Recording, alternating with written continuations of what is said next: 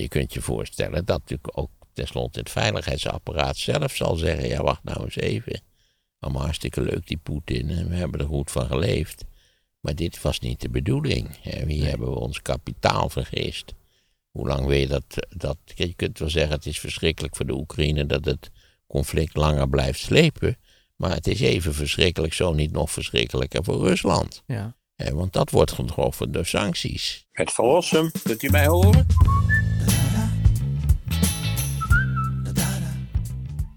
We hebben wat reacties gekregen trouwens van mensen die eh, iets sturen over de midterms. Wat ze daarvan verwachten. We kunnen misschien eventjes Pim van Wegen erbij pakken. Die zegt, eh, hij zegt, eh, ik verwacht dat de democraten weer gaan inleveren.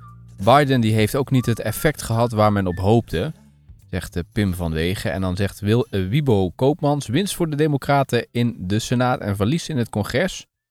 En dan hebben we nog Jim Heren die zegt een helaas totale tsunami van geschifte republikeinen Amerikanen houden kennelijk niet van een regering die wat dingen kan doen. Moet ik je even helpen? Ja, ik kan het weer niet open krijgen. Misschien kun jij dan reageren op deze. de midterms. Ja, de midterms. Heel lastig voorspelbaar blijkt wel. Ook al die, zit heel goed dicht. Ik heb hem. nou, toch. Al die eh, voorspellers, en je hebt eh, meerdere sites natuurlijk waar voorspellingen worden gedaan.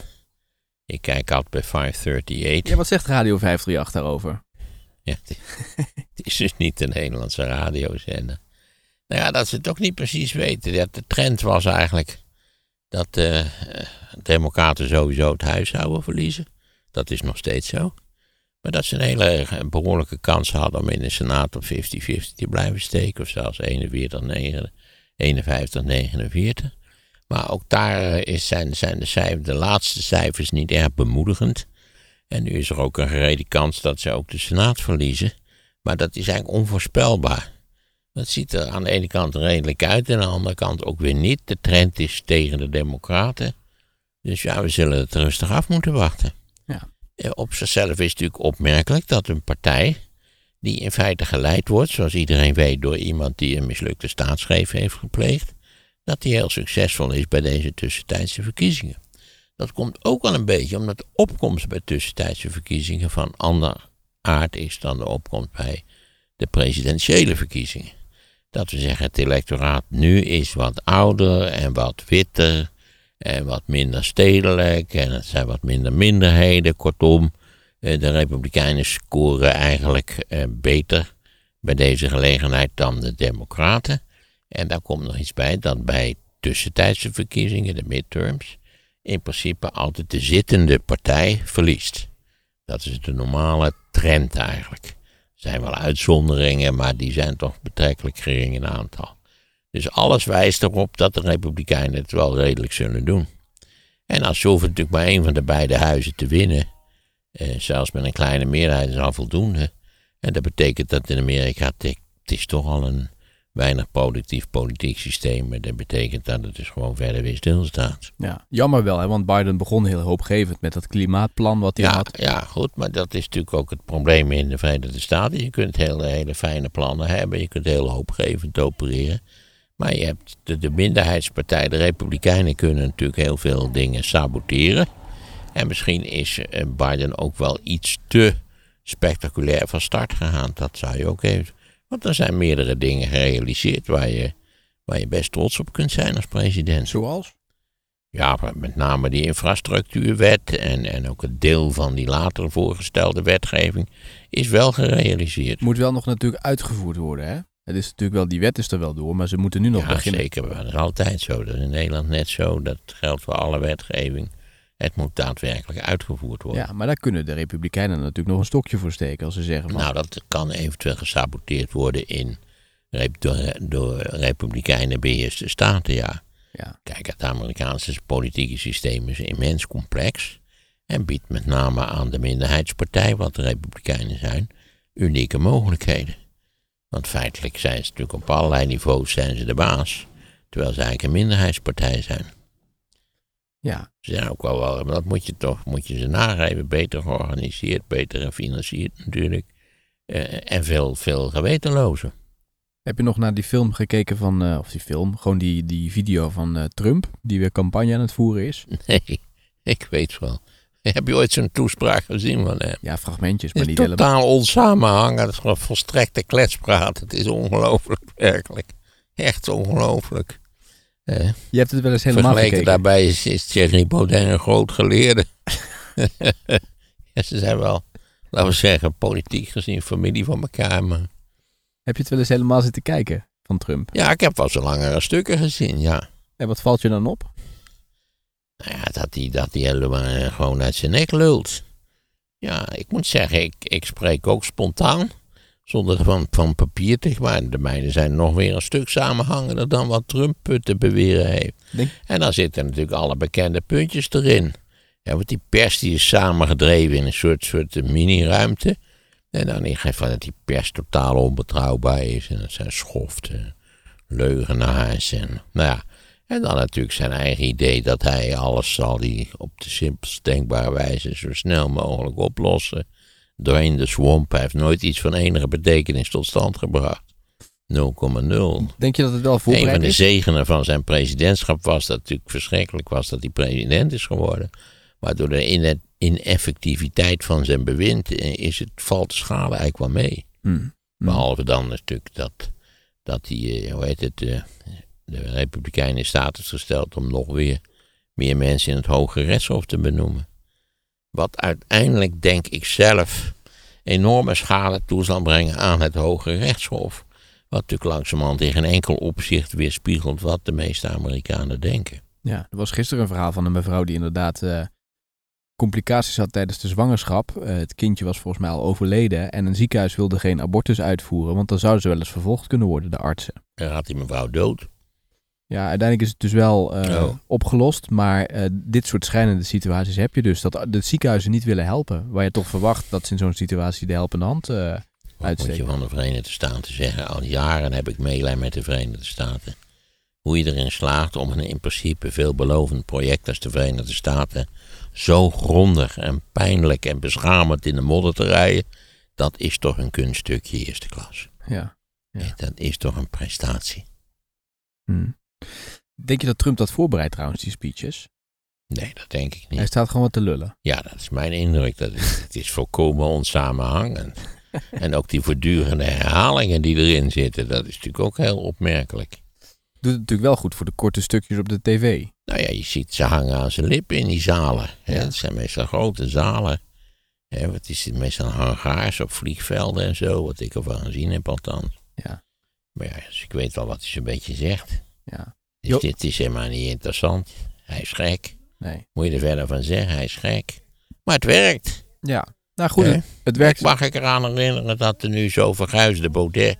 dat hij bij de provinciale statenverkiezingen... De laatste, bij de laatste gelegenheid dat die gehouden zijn... eh, dat hij de grootste partij van Nederland was. Ja, ja. Dank u wel, kiezers. Wat een magistrale keuze heeft u ook gedaan. Wat indrukwekkend. Niet waar dat u gezien heeft wat een ziener hiermee de politiek ingeloodst werd. Nou ja, enzovoort. Ik heb het vaker gezegd. De democratie wordt niet door de gekken verpest. De Trumps en de Baudets en enzovoort. De, de democratie wordt door de kiezers verpest. Want die moeten op die lui stemmen. En dat doen ze. Dat is het wonderlijke. Ze doen het. Nu ook weer in de peilingen, hè? PVV, tweede partij. Ja, PVV scoort altijd goed als er geen verkiezingen zijn. Oh, dus daar maak je niet zo druk om. Nee, ik maak me over de PVV, heb ik me natuurlijk ooit wel druk over gemaakt. Of althans, het begon natuurlijk met Pim Fortuyn. Eh, nee, om de eenvoudige reden dat Wilders natuurlijk al lang besloten heeft dat hij eh, met zijn treintje op een zijspoor staat. En af en toe trekt hij aan die fluit. Eh, en dan denk ik, oh, daar is, daar is Geert met de fluit. Het algemene beschouwingen. Alles even stom, belachelijk, idioot, schandelijk enzovoort. Maar natuurlijk beleidsmatig is het, een, is het, is het niks. Is het een stilstaand water. Lubach noemde hem deze week een haatopa. Haat opa. Ja, nou, ik zou zeggen, het is meer een boze opa. Het, het, het, ik heb altijd het gevoel, Geert speelt natuurlijk een rolletje. Ja, Geert weet ook wel dat hij, hij is er. Hij is de tweede partij, of soms de derde partij. Het wisselt een beetje. En tegelijkertijd is hij volkomen betekenisloos. Ja. Ja, ik weet dat mijn luisteraars, eh, van luisteraars naar dit programma natuurlijk geen PVV-stemmers zijn. Mochten ze het zijn, U kunt er veel beter mee stoppen en op iets stemmen waar u Ja. mogelijkerwijs op een partij stemt die ook mee wil regeren. Nou, bij, bij Geert is dat niet het geval. Nou, er zijn wel mensen die luisteren om even een andere kant van het verhaal te horen. Dus die... Ah, nou ja, dan zou ik zeggen, denk, overdenk uw, uw keuze nog eens eh, ja. bij de stem dus. Want je zult zien, we krijgen die provinciale statenverkiezingen. Waar de BBB mevrouw geweldig gaat scoren. ja, dat wordt de nieuwe held. Al moet ik zeggen, ze zakt verdomd snel weg in de peilingen nu. Nu, nu, nu we- ja, waarschijnlijk te weinig tractoren op de weg of zo. Ik weet ook niet precies. Maar Ja. En wat vind je van de, de Forum voor Democratie met die jongere van Meijeren die dat filmpje heeft gemaakt? het, is- het kost mij ontzaglijke moeite om het allemaal ook serieus te nemen. Het, het, het, zijn, het zijn vervelende jongens, het zijn, het zijn treiteraars, het is, het is onaangenaam. Zijn het levensgevaarlijke nazi's? Nee, dat zijn het helemaal niet. Het, het, is, het is kinderachtig, het is adolescent, het is bewust provocatief. En, en ja, ik ben er niet van onder de indruk. Ik, kan het ook onmogelijk ook serieus nemen. Er is toch helemaal niemand meer die Thierry Baudet en zijn aanhang ook serieus neemt. Nee, dat lijkt me niet. Nee, je hoopt ik vind het ook niet geweldig verstandig om steeds die vergelijking met het Derde Rijk en zo. Dat, is- dat, dat is het ook weer niet. Het is, eh, het is vervelend, maar het is het tegelijkertijd ook. Het zijn ook geen nazi's. Heb jij nog eh, de, de filosofie van eh, Dirk Sauer deze week gehoord? Wat hij denkt in relatie tot wat er in Amerika gaat gebeuren. Hoe dat gelinkt kan worden aan de situatie in Oekraïne en Rusland. Nee, dat heb ik natuurlijk niet gehoord. Dat wil zeggen, waar iedereen zich natuurlijk druk over maakt, is de vraag of bij een wisseling van de wacht in Washington, bijvoorbeeld in het huis, of dat ertoe zal leiden dat Amerika minder enthousiaste steun biedt aan de Oekraïne. Ten meer omdat een aantal linkse democraten ook eigenlijk al een brief hadden opgesteld van dat dat nou eens bekeken moest worden en of dat wel verstandig was en nou ja, enzovoort, enzovoort. Eh, dus ja, aan de republikeinse kant eh, is het nogal wisselend. Je hebt republikeinen die zeggen we moeten daarmee ophouden en eh, we moeten die cent in eigen land besteden. Eh, maar je hebt ook republikeinen die, eh, hoe heet het, eh, de leider van de, van de republikeinse minderheid in de senaat, eh, die, eh, die is naar Kiev geweest en die heeft zijn steun, uitgebreide steun uitgesproken voor de Oekraïne. Dus we moeten een beetje afwachten hoe dat is. Het zou mij verbazen, eerlijk gezegd, als op korte termijn politiek besloten zou worden om die Oekraïne maar niet meer zo ruimhartig te helpen. Dat Nee. zou mij verbazen. Nou, Dirk is er bang voor dat als straks eh, Trump weer aan de macht komt, want daar gaat hij vanuit, of in ieder geval de Republikeinen meer macht krijgen, waar het bij de mid- midterms ook naar uitziet, dat dan eh, ook de steun aan Oekraïne wordt afgebouwd en dat Poetin daar nu op, al op zin speelt en dat hij daarop wacht, want hij kan natuurlijk heel lang kan hij dit volhouden en dat hij dan toeslaat. Ja, dat, ten eerste is, is een onzekere factor of Trump opnieuw president zal worden. Dat weten we niet. Dat is over twee jaar. Dat is een, een eeuwigheid in de politiek, zoals je weet. Een week is vaak al een eeuwigheid in de politiek. Dus dat wil ik dan eerst nog wel eens zien. Daar ben ik niet 100% zeker van. Het is niet zo dat ik denk, kijk, nou, hij wordt het no, geen twijfel mogelijk. Nee, nee, dat, dat is absoluut niet zo. Het kan heel anders lopen. Ten slotte, en we weten niet hoe dat zal zijn. Eh, mocht Trump president worden, dan is de kans natuurlijk toch wel aanzienlijk dat hij, dat hij in ieder geval twijfelt aan die hulp, omdat hij een bekende Poetin-bewonderaar is. Eh, maar dat, ook daar kan het best zijn dat bijvoorbeeld de Amerikaanse militairen, de top van het militaire apparaat, zeggen van ja, wacht nou eens even. Het is niet alleen eh, fijn en, en humaan om de Oekraïne te helpen, maar strategisch is dat van de allergrootste betekenis omdat als je, als je in feite eh, eh, Poetin helpt in, in die strijd eh, tegen de Oekraïne, op wat voor manier dan ook, dat betekent wel dat je ook de militaire positie van de NATO in West-Europa verzwakt op termijn. Dus dat, ja. Ik begrijp dat, dat, dat hij bang is dat dit gaat gebeuren. En je weet eh, dan, dat je dan geneigd bent om een self-denying prophecy te formuleren. Maar ik, ik, ik ben er helemaal niet zeker van. Nee, Dirk is daar zeker van en hij roept ook Europa op om nu verantwoordelijkheid te nemen om ervoor te zorgen dat wij Oekraïne kunnen blijven. Sowieso geldt voor Europa dat wij onze verantwoordelijkheid moeten nemen. Feit is wat Merkel al jaren geleden heeft gezegd: we staan nu op eigen benen. Je kunt niet meer op de Verenigde Staten vertrouwen, dat is zonder meer een feit. En wie het ook wordt, je kunt, Amerika is niet meer de betrouwbare bondgenoot in dit opzicht die het was. Dus ja, wij moeten dat zeker doen. En het Ja. eh, wordt tijd dat we dat ook wat, wat, wat beter doorpakken. Ja. En dat is natuurlijk het probleem dat natuurlijk Frankrijk en Duitsland nu een beetje, een beetje onderling aan het krakelen zijn. Dat is gewoon stom. Kijk, als die samen niet opereren, dan gebeurt er weinig in de Europese Unie. Mhm. Eh, waarbij wij ook altijd horen tot de fractie van eh, voorzichtig aan. Breekt het lijntje. Nee, nou ja, enzovoort. Dus ja, nee, voor Europa geldt sowieso dat wij geopolitiek, mondiaal, hoe je het ook maar noemen wilt, het zo deftig mogelijk, dikke streep eronder, dat we aan de bak moeten, zoals dat heet. Vreselijke uitdrukking, maar dat moeten we, ja. Maar waarom We levert... hebben het geld, dat is het probleem Maar we niet. doen nu niks, want Amerika levert alle wapens. Europa Ja, doet bijna niks. Nou, dat is niet waar. Ja, je kunt zeggen, Engeland levert wel wapens. En bij mijn weten eh, doet Engeland veel aan training ook. Eh, wij hebben wel degelijk ook spullen geleverd. Maar relatief gezien doen we weinig. Ja, als je het vergelijkt met de Amerikanen, ja, maar die heeft, we hebben natuurlijk ook een hoeveelheid hardware waar je u tegen zegt. Namelijk veel meer dan zij eigenlijk nodig hebben. Ja, maar als we toch alle krachten optellen hier en al het geld, dan kunnen wij toch ook wel iets meer ja, doen. maar dat is natuurlijk al jaren zo dat we allemaal toch erg gesteld zijn op onze nationale defensie. En dat de onderlinge samenwerking beperkt is. Al moet je Nederland prijzen dat wij in feite met de Duitse Bundesweer wel degelijk eh, vrij intensieve contacten hebben. Ja. ja, maar goed, dan ligt Maar nog... kan, ik geef het direct toe, dat kan allemaal een stuk beter. Ja. Ja, Europa moet zijn verantwoordelijkheden nemen. Er zijn op het wereldtoneel drie grote spelers. China deugt niet, Verenigde Staten deugt, maar zeer gedeeltelijk. De Europese Unie deugt wel. Maar die moeten er ook wel iets van maken. Eh, want anders ben je natuurlijk toch het, het derde wiel aan de wagen. Hm. Of het vijfde wiel, hoe heet het eigenlijk precies? Ja.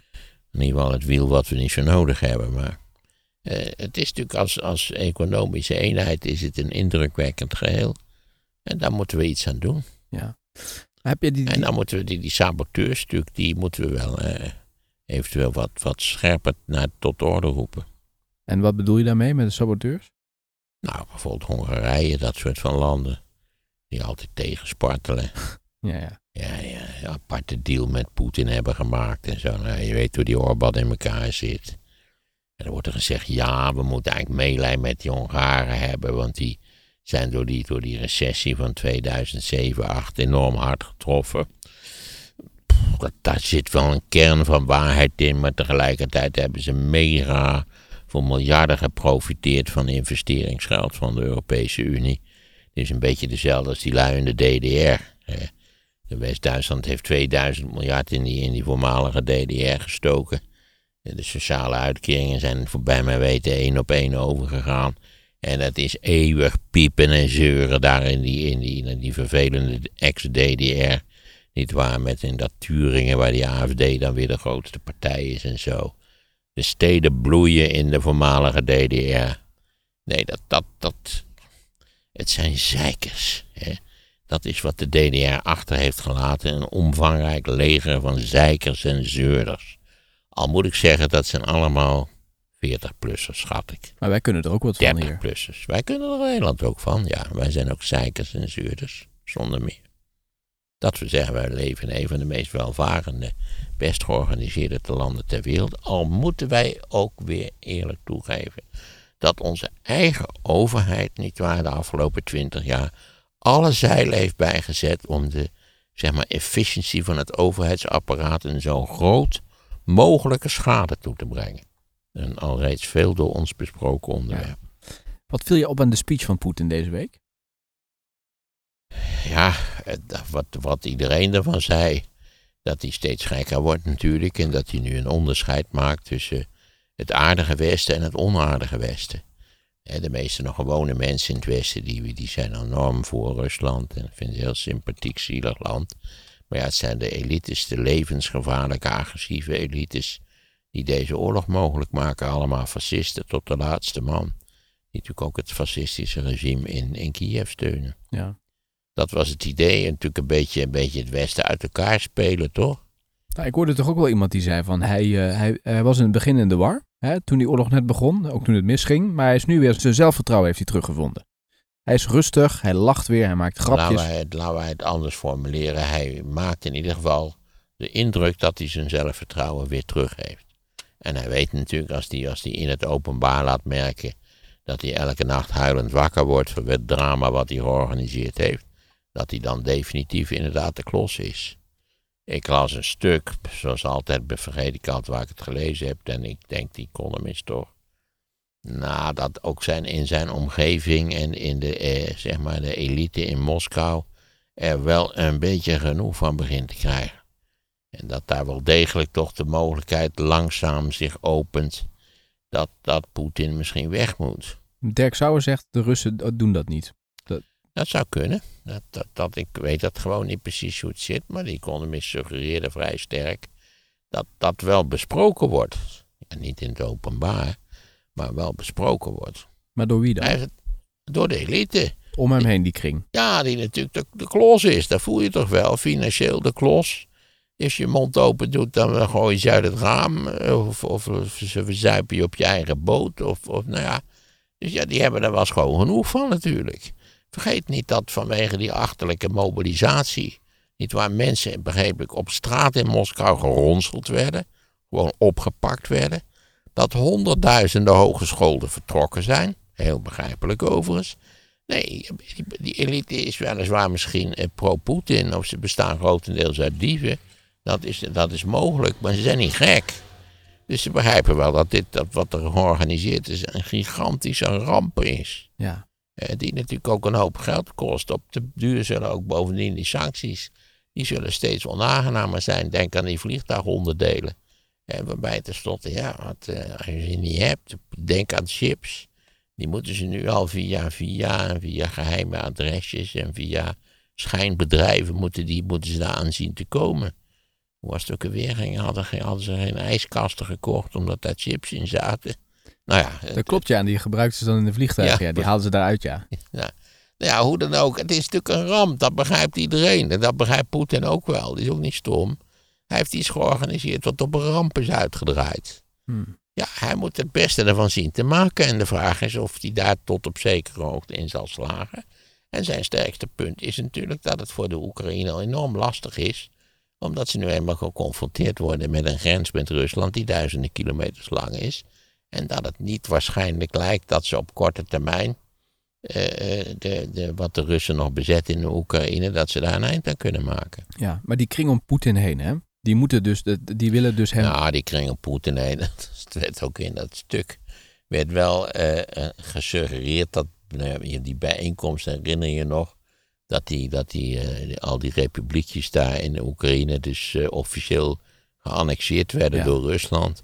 En volgens de schrijver van het stuk kreeg die, keek die elite die daarbij zat wel heel erg beteuterd Ja, tijdens dat was toen bij die ceremonie, ja. ja, in- tijdens de hele plechtigheid van grote god, waar zijn we aan begonnen? Eh, Nee, het is een mislukking. Het is een kapitale, idiote mislukking. Vooral na al dat gelul over dat moderne Russische leger wat zo geweldig was. Maar wat kunnen die elite? Wat kunnen ze doen? Ze moeten zich samenpakken, ze moeten samen iets bedenken. Geen idee. Dat moet niet uitlekken, want Nee, dan hebben ze een je- je probleem. legt het al uit wat ze moeten doen, namelijk eh, dat ze, dat ze moeten zorgen. Ik neem aan dat de berichtgeving van eh, ja, een kasteel op wielen. Een kasteel op wielen van een, eh, een Scandinavische producent, Ja. maar met een Chinese motor. Zit er ook een Chinese motor Ja, dat in, heb ik die, eh, begrepen. die Volvo XC90? Ja, dat zeggen de kenners altijd, dat dat niet meer zoveel voorstelt omdat er een Chinese motor tegenwoordig in zit. Volvo is natuurlijk een relatief kleine producent. Dus Ja. misschien dat ze motoren van elders gebruiken. Maar die zie je toch veel rondrijden hoor, die, Ja. die grote kastelen. Enorm. Ja. Ik begrijp, begrijp er nooit iets van. Ik denk, waar is dat nou goed voor, zo'n Ja. ding?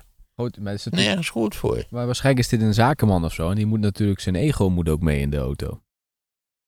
Ja, dat is, dat is, nou, de auto is natuurlijk in allerlei opzichten natuurlijk een statussymbool. Ja. Eh, voordat we zover zijn dat we dat ook allemaal geen bal meer niet belangrijk meer vinden. Nou, wie weet dat dat met die... Maar ja, ook, ook de, hoe heet het, eh, is... eh, de Tesla is toch ook een soort statussymbool, of niet? ja, dat is waar. Je bedoelt die grote of die... die allemaal eigenlijk toch. ja, ja. Maar goed, wat zeiden wij? Ja, dus dat. Ik, ik neem aan dat de schrijver van het stuk wat ik gelezen heb... het niet allemaal volledig uit zijn duim heeft gezogen op zijn zolderkamer.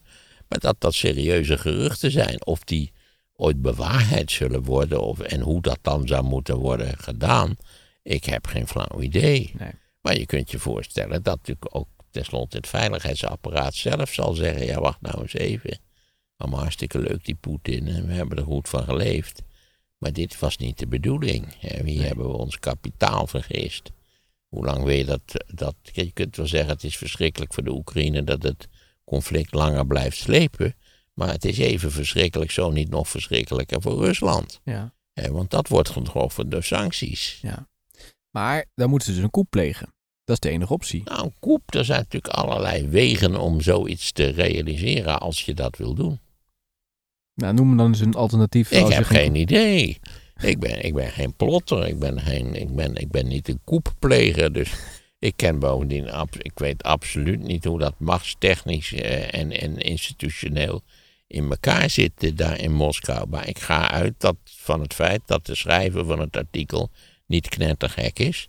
En dat daar natuurlijk, dat begrijp je toch ook wel, dat die elite denkt, jezus, waar moet dit heen? Maar stel jij zou daar zitten en je zou een bedrijfje daar hebben en je kreeg alle klussen van Poetin, maar je bent nu helemaal getroffen door de sancties. Wat Ja, zou je dan... bedrijfje, het zijn bedrijven, het zijn lui die miljardenvermogens hebben. En, en die deels niet bij hun centen kunnen. En hun schepen zijn ge- geannexeerd eh, of aan de ketting gelegd in diverse havens. Nee, eh, en zij denken natuurlijk aan de wat langere termijn. Wat gaat ons dit, wat zijn de gevolgen als dat sanctiebeleid nog vijf jaar intact Ja, blijft? ja, ja. ja. Ja, dat kan heel verstrekkende gevolgen Maar hebben. Poetin kan natuurlijk zeggen, dat weten wij niet. Heer, ik compenseer je. Alsjeblieft, ik heb genoeg geld. Alsjeblieft, ik, om jullie tevreden te houden, ik geef je allemaal ik een denk miljard. niet dat, het, dat, het, dat hij ze... Hij kan ze misschien financieel een extraatje geven, maar dat hebben ze helemaal niet nodig. Wat ze nodig hebben is dat ze weer net als eerder normaal kunnen functioneren. Dat kunnen ze niet meer. Hmm. Dus ja, nogmaals, ik, ik, ik ga maar uit van wat ik las. Was het eerste stuk Ja. waarin met zoveel woorden werd gezegd van... nou ja, het vertrouwen van, van de elite is, is niet eeuwig in Poetin. Ja. Het zijn ook boeven, dus... eh, de- Ja. Maar ze hebben wel, en dat is natuurlijk wat, wat Dirk Sau een beetje probeerde uit te leggen. Ze hebben wel allemaal een mentaliteit van wij houden dit lang vol. Poetin heeft dat natuurlijk al eerder laten zien. We houden dit lang vol. Dat zeggen zij natuurlijk, want anders word je uit het raam gegooid.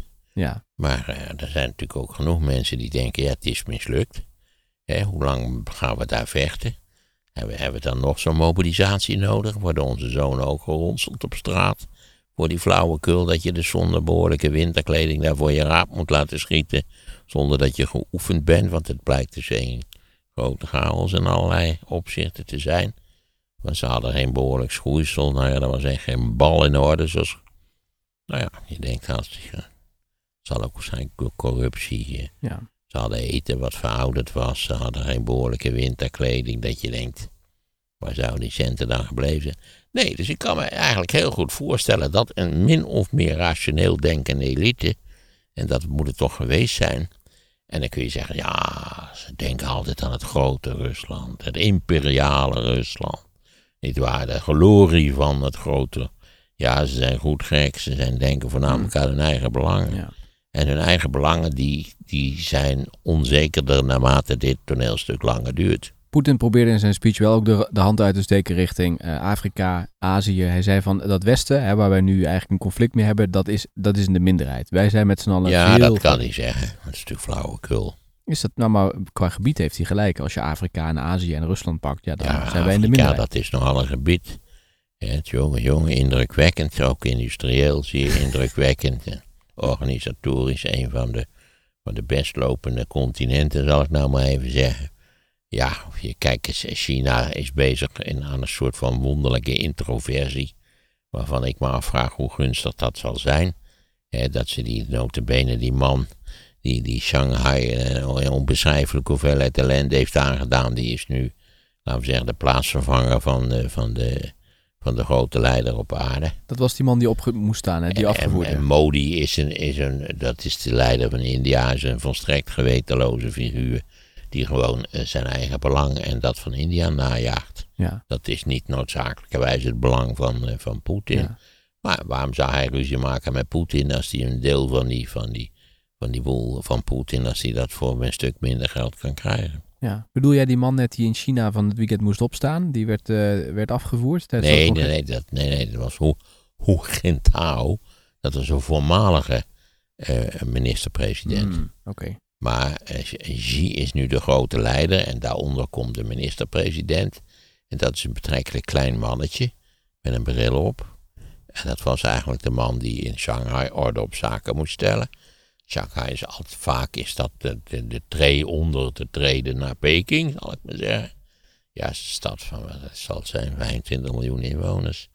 Een van de grote productiecentra, grootste productiecentra ter wereld. We even afzien van Shenzhen en zo. Eh, ja, wat, waarvan iedereen zei dat het eigenlijk nou bepaald niet een opvallende of efficiënte of knappe figuur was. Ja, wat in China gebeurt is gewoon wonderlijk. Dat, dat, waarom ze zich dat ook aan laten doen en waarom eh, kennelijk een groot deel van die partijelite dit heeft laten gebeuren. Dat blijft een vrij raadselachtige zaak. Ik hoor tot een vrij brede groep van personen die niet erg gelooft in het nut van Xi Jinping thought. Hè? Hmm. Ja. Kijk, zodra het eh, denken van de, van, van de leider eh, verplichte kost wordt, dan weet je al dat je op de verkeerde weg bent. En de vuile bom, die moeten we ook nog eventjes als Ah, de vuile bom, ja natuurlijk. Oeh, de vuile bom. Potverdrie nog aan toe. Ja, dat hoort, dat, je moet zeggen, daar is hij toch weer verrekt goed in. Poetin bedoel je? Ja, het creëren van verwarring. Hè? Gaat dat gebeuren? Hij beschuldigt de Oekraïne, maar betekent dat dat ze eigenlijk zelf bezig zijn aan een vuile bom? Spiegelen noemen ze dat, hè? Ja, precies. Dat, is dan, dat schijnt dan veel voor te komen. Eh, en ondertussen is een brede verwarring ontstaan. Hebben de Amerikanen alweer commentaar gegeven. Denken omdat je het niet doet enzovoort. En ja, ik ben geneigd om te zeggen. Waarschijnlijk is er niet zo verschrikkelijk veel aan de hand. Nee, eventjes de definitie van een vuile bom. Dat is eigenlijk een, een bom die eruit ziet als een normale bom. Maar daar zit dan, stiekem zit daar chemisch afval of zo in. Hè? Nee, daar zit een nucleair afval in. Ja, Ja, maar Maar het dus, is niet een, een nucleaire explosie, dat is een atoombom of een waterstofbom. Het is, geen, het is een bom die uit, uit nou ja, een spijkerbom, maar dan zijn de spijkers radioactief. ja, precies. En dat weet je niet van tevoren. Het ziet er namelijk uit als een spijkerbom. Nou, dat moet je vrij met een geigertelletje, moet je dat vrij snel kunnen vaststellen. Ja. En bovendien lijkt het mij dat, je, dat, je weinig, dat het weinig zin heeft. Het is, het is militair niet erg effectief, is mijn indruk. En bovendien raakt het toch een vrij aanzienlijk terrein besmet. Dat is niet bruikbaar. Sowieso is een van de grote raadsels. Je wil de Oekraïne er weer bij betrekken. En wat hebben de Russen tot nu toe gedaan? Een gigantische hoeveelheid narigheid en ruïnes aangericht in een land wat ze zogenaamd een broedervolk wat ze, wat ze bij hun eigen republiek wilden trekken. Dus ja, ik ben natuurlijk eerder veel te optimistisch geweest. Ik, ik, ik heb kennelijk niet, ik peil kennelijk onvoldoende de waanzin waaraan Poetin ten prooi is gevallen. Hij is gaan geloven in al die Ja. sprookjes. Die, die, die, die ze daar verspreiden over Rusland. En dat hangt natuurlijk samen met het immense minderwaardigheidscomplex wat ze overigens altijd hebben gehad. Dat is punt 1. En punt 2 is natuurlijk wat nog versterkt is door het ineenstorten van de Sovjet-Unie. Hm. En de chaos die daar eh, jarenlang op gevolgd is. Maar ik weet niet, ik geloof of dat nou Kissinger was of iemand anders. Die zei, ja, de Russen, eh, dat is altijd bij onderhandelingen, hè, ook in die detente tijdperk. De Russen die, die willen er altijd echt, die willen ook serieus genomen worden, erbij horen. En dat komt dat ze hier een minderwaardigheidscomplex hebben van hier tot gunden. Wat volgens mij Poetin ook heeft, als, je, als ik het goed zie. En de Chinezen waren altijd zo arrogant als de pest. Die waren ervan overtuigd dat ze veel beter en intelligenter en, Dan Rusland. en eh, nee dan Amerika. Oh ja. Het is altijd de vergelijking met Amerika. Eh, De king of the road is Amerika. Die wat zichzelf ondertussen, ja, dat zie je vaak gebeuren, natuurlijk in mensen schade ja. toebrengt. Maar moet je dan niet zeggen, wij moeten als het Westen gewoon wat, wat eh, Rusland gewoon erkennen en ze serieus nemen, zodat die oorlog dat stopt? hebben we allemaal gedaan. We hebben ze hartstikke erkend en serieus genomen en hun energie gekocht. Hè. Sterker nog, dat was natuurlijk een, toch een. Er waren wel mensen, overigens de Amerikanen in het bijzonder. Reagan is er al mee begonnen. Die zei, daar moet je niet aan beginnen, die pijpleiding naar, Chi- naar, Rusland. Want dan vroeg of laat gebruiken ze het. En dan sta je met je billen bloot. Hè, dan ben je, dan ben je dus bij de klos. Ja, dat zie je dus nu wel. En nou goed, dat hebben we toch gedaan. En we hebben er vertrouwen in gesteld. Ik moet zeggen, mij leek het ook gerechtvaardigd. Ik dacht ook dat Poetin een coole rekenaar was. Dus ja, dat hij wat zat te klooien en zo, dat, dat leek mij er gewoon bij te horen. Ook weer omdat hij ook serieus genomen wil worden enzovoort. Ja, en, en wat ik niet heb gezien en wat eh zoveel niet hebben gezien. Ik begreep ook weer ergens uit een ander stuk dat zijn eigen omgeving ook enorm verrast was dat hij tenslotte overgegaan is tot militaire actie in de Oekraïne. Dus oké. Er was ook een journalist van de week in Nederland, in Amsterdam, uit Oekraïne. En die zei ook, ik, ik geloofde het niet in februari. Toen het gebeurde in die nacht van de 24e, ik kon het niet geloven. Dat het echt zover was. Ik, eh, moet zeggen, ik schud hem van harte de hand. Aangezien ik het ook heel onwaarschijnlijk vond dat het zou gebeuren. Eh, maar eh, waar waren we gebleven in, dit, in deze redenering? Ja, eh, hij, hij- nogmaals, hij is gaan geloven in zijn eigen sprookjes. Dan blijkt ook uit al die idiote toespraken die hij houdt. En een rare essay wat hij geschreven heeft. Dat je denkt, ja joh, dat is allemaal hartstikke leuk. Misschien lollig om bij een borrel eens te bespreken met die, met die, met die meneer Doelgin of hoe die mogen heten. Ja, Maar, maar het is, dit is levensgevaarlijk beleid. ja.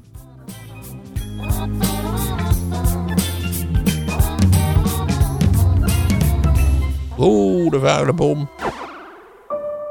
Nog op zoek naar wat podcast-inspiratie? Luister dan naar Sea Level. Daarin beantwoorden we de vraag in hoeverre dictatuur goed is voor een organisatie. Potverdomme, nu is het, nu is het afgelopen. De link staat in de show notes. The time for empty talk is over. De midterms in Amerika komen eraan. U weet, er gaan in de Amerikaanse verkiezingen gaan miljarden en nog eens miljarden rond. We will make America great again. Verdiep je in de Amerikaanse presidentsverkiezingen met het luisterboek van Maarten van Rossum. Dus stel je voor, u bent de minderheid, u heeft 40 senatoren, dat is eigenlijk een vrij forse minderheid. Dan kunt u eigenlijk vrijwel alles frustreren door het wetsontwerp dood te praten. Dat is de filibuster. Het luisterboek vind je via de link in de beschrijving. Dus dan lees je voor uit de Bijbel. Er zijn lui die enorme kookboeken hebben voorgelezen.